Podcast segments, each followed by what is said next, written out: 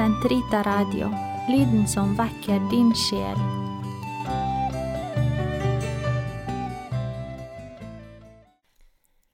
Karmels hage episode 45 Fra julekrybbens historie I forrige episode av Karmels hage fikk dere høre en personlig historie om julekrybben. Vår families, eller kanskje heller min historie. I dag skal dere få høre en litt mindre personlig historie, ja, faktisk den ordentlige historien om julegrubbens tilblivelse i kirken. Jeg skal lese til dere et kapittel fra Christian Schutz' bok Underet i stallen, Krybbemeditasjoner. Den ble utgitt på St. Olav forlag i 1999, men er dessverre ikke å få tak i i dag. Det er mulig dere kan finne den på et antikvariat. Jeg leser derfor kapittelet i sin helhet for dere, men først ber vi sammen. Kom, Hellige Ånd, fyll dine troendes hjerter og tenn i dem din kjærlighetsild, du som gjennom de mangfoldige tungemål samlet alle folkeslag til troens enhet. Send ut din ånd, og alt skal bli omskapt, og du fornyer jordens åsyn. La oss be. Gud, du har opplyst de troendes hjerter ved Den hellige ånd. Gi oss at vi ved din ånd kan glede oss over det som er rett, og alltid bli lykkelig ved Hans trøst, ved Kristus vår Herre. Amen. Jeg leser nå kapittel to i Underet i stallen. Det heter Fra krybbens historie. Begynnelsen Krybbens begynnelse ligger i Betlehem, og om dette heter det det skjedde i de dager at det gikk ut befaling fra keiser Augustus om at hele verden skulle innskrives i manntall, og alle dro av sted for å la seg innskrive, hver til sin by. Josef dro da fra byen Nasaret i Galilea, opp til Judea, til Davids by Betlehem, siden han var av Davids hus og ett, for å la seg innskrive sammen med Maria, sin trolovede, som ventet barn og mens de var der, kom tiden da hun skulle føde, og hun fødte sin sønn, den førstefødte, svøpte ham og la ham i en krybbe, for det var ikke plass til dem i herberget. Lukas 2, 1–7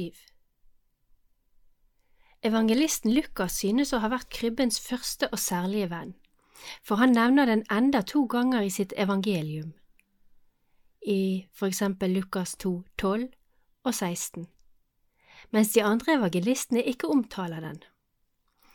Det er vel få tekster i Bibelen som har oppnådd en slik gjenklang i skikker og fromhet som denne korte beretningen. Om dette vitner litteratur og billedkunst fra alle kristne århundrer. Her har det foregått en uavbrutt kulturell innlevelse i dette kjernestykket i evangeliet. Mysteriet med gudsbarnet i krybben har helt opp i vår tid fortsatt å fengsle menneskene. Krybbens forløpere Med en krybbe forstår man i den kristne kunst en figurlig fremstilling av fortellingen om Jesu fødsel i en hule eller en stall i Betlehem. Grunnteksten til dette leverer de respektive skildringene av Herrens tidligste historie i Matteus og Lukas evangeliet. Se for eksempel Matteus 1,18 til 2,23 eller Lukas 1,5 til 2,52. Til de faste bestanddelene av krybben hører ved siden av Jesusbarnet, hans foreldre Maria og Josef, oksen og eselet, de tilbedende hyrdene og de vise fra Østerlandene. Kjennetegnene på slike fremstillinger er at de enkelte figurene og utstyrsgjenstandene lett lar seg bytte ut, og at deres oppstilling i kirkene og husene er bundet til juletiden. I denne betydning kjenner vi krybben omtrent fra midten av det 16. århundre. Men dette utelukker ikke at enkelte motiver ved vår krybbe alt har en lang historisk utviklingsvei bak seg. Ønsket om å fremstille Kristi fødsel billedlig lar seg observere allerede i de første kristne århundrene. De første vitnesbyrd om dette møter vi i katakombemaleriet og i sarkofagutsmykningen. Velkjent av den freske fra Priscilla-katakomben, parentes første halvdel av annet århundre, der Jesaja profeterer Messias fødsel. En freske som han har kalt Williams profeti. Vismennenes tilbedelse kommer fra det tredje århundret til syne som det første bildet på Kristi menneskevordelse, så vel i katakombene som i sarkofagene. I den følgende tid forbindes dette med selve fødselsscenen. De eldste eksempler på, dette, på denne møter vi i Vesterlandene i den første tredjedel av fjerde århundre. De tidligste julebildene nøyer seg med å fremstille det aller nødvendigste. De viser et barn tett innhyllet i tøystykker som ligger i et steintrau eller en flettet kurv. Oksen og eselet utgjør dets eneste omgivelser. Først senere plasseres Maria, en profet eller gjeter, parentes hyrde, og Josef rundt barnets leie. I det fjerde århundret blir julefesten vidt utbredt, og fremstillingene av julen blir preget av stadig mer utsmykning. Dette står i nær sammenheng med troens bekjennelse angående Kristi sanne guddom og menneskelighet. Med henblikk på denne får nå Herrens fødsel en enestående betydning. I Østkirken utviklet det seg, sammenlignet med kirken i Vesten, en noe annen type bilder ved fremstillingen av julens mysterium. Ved valget og utformingen av motiver får apokryfe informasjoner her et større spillerom. Det mest iøynefallende er hulen, som fødselshendelsen ble lagt til. Maria selv blir ofte fremstilt i liggende stilling. Dette skal understreke hennes utmattelse, men også ekteheten ved fødselen og den nyfødtes menneskelige natur.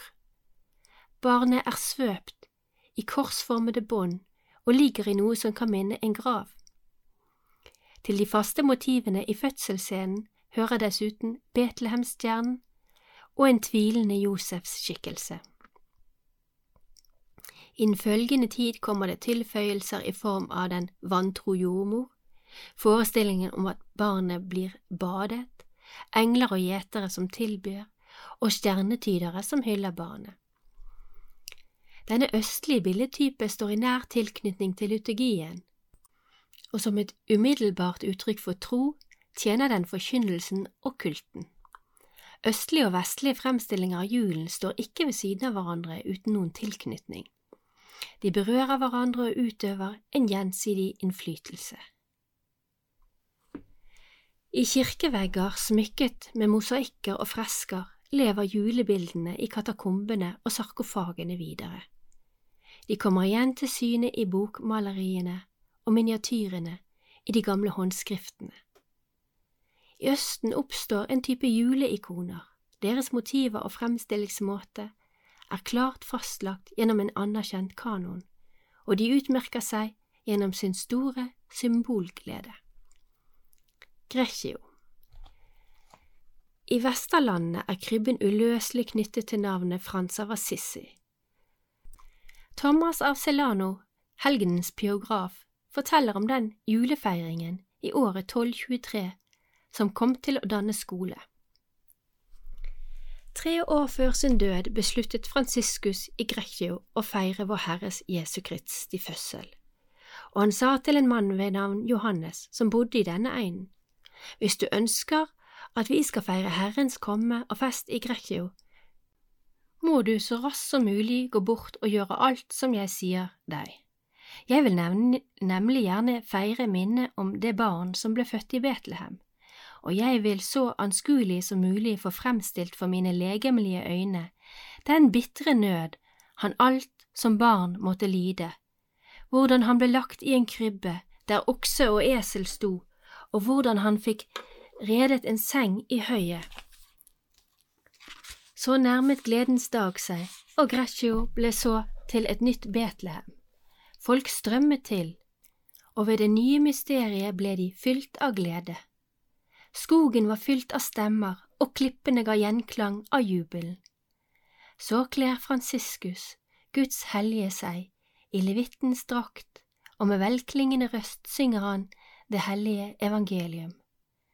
Deretter preker han for folkene som står der, om den fattige kongens fødsel. Mysteriespill av den typen som blir skildret her, var middelaldermennesket fortrolig med.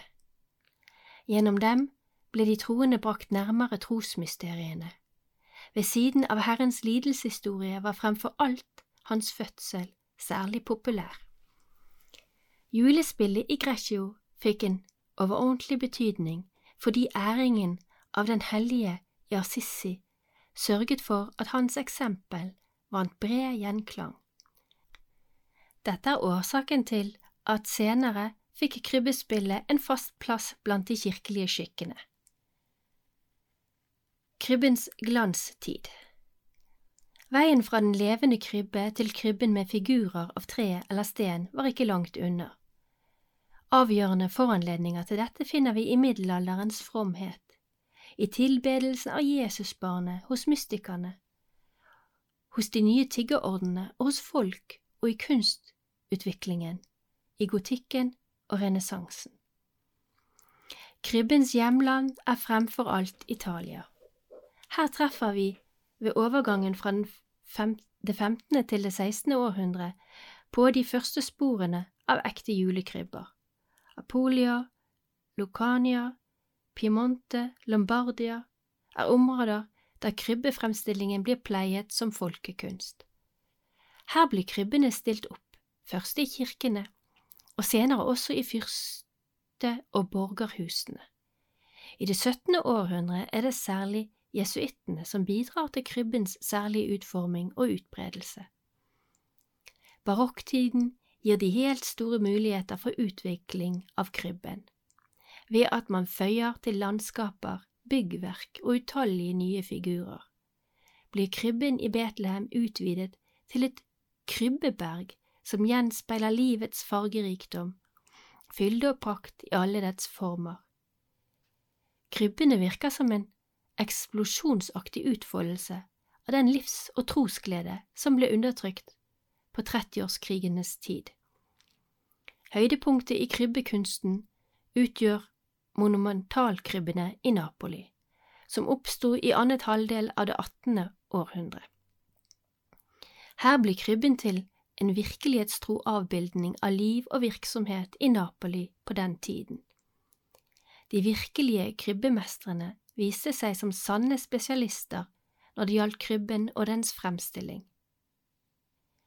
Ikke bare dyktige kunsthåndverkere gjorde seg den gang gjeldende som krybbemakere, men også anerkjente kunstnere som for eksempel billedhoggerfamilien Schwanthaler. Samtidig med krybbens store tid i Napoli opplever krybbekunsten et oppsving i Sør-Tirol, Sicilia og Roma. Krybbebegeistringen kjenner ingen grenser. Det fremgår klart av krybbekunstens historie og de mange eksempler fra Bayern, Østerrike og Schwaben. Ved siden av de inntrykksfulle historiske vitnesbyrd står de ikke mindre alvorlige og inntrykkssterke forsøkene som dagens krybbebyggere står for. Krybbens fremtid Krybbens historie kjenner som andre historier til glanstider og perioder med tilbakegang. Men gjennom de skiftende tider har krybben selv aldri opphørt med å trekke mennesker inn i sin tryllekrets. Vår kunst kan stadig bli uttømt i omgang med dem, men krybben selv blir aldri uttømt. Denne jakttagelsen gjelder også i dag. De kunstneriske krybbene fra tidligere tider har ikke mistet noe av sin tiltrekningskraft. I mellomtiden har kjærligheten til krybbene for alvor blomstret opp hos folkene i den såkalte tredje verden. Deres krybbefremstillinger forkynner mer enn tydelig at den gamle krybben i høyeste grad er i live. Jeg har nå lest til dere fra boken Underet i stallen krybbemeditasjoner med tillatelse fra Sankt Olav forlag. Vi avslutter i dag med den vakre bønnen til Jesusbarnet. Herre Jesus, vår, vår guddommelige frelser, Av kjærlighet til oss ydmyket du deg selv og ikledte deg det vesle barnets skikkelse. Gi oss den nåde å erkjenne din uendelige visdom, i ditt hellige barnekårs lønndom og fornedrelse, så vi kan elske deg, lovprise deg og tilbe deg, og slik, ved din godhet, få se din uendelige herlighet. Du som lever og råder med Faderen og Den hellige ånd, Gud fra evighet til evighet. Amen.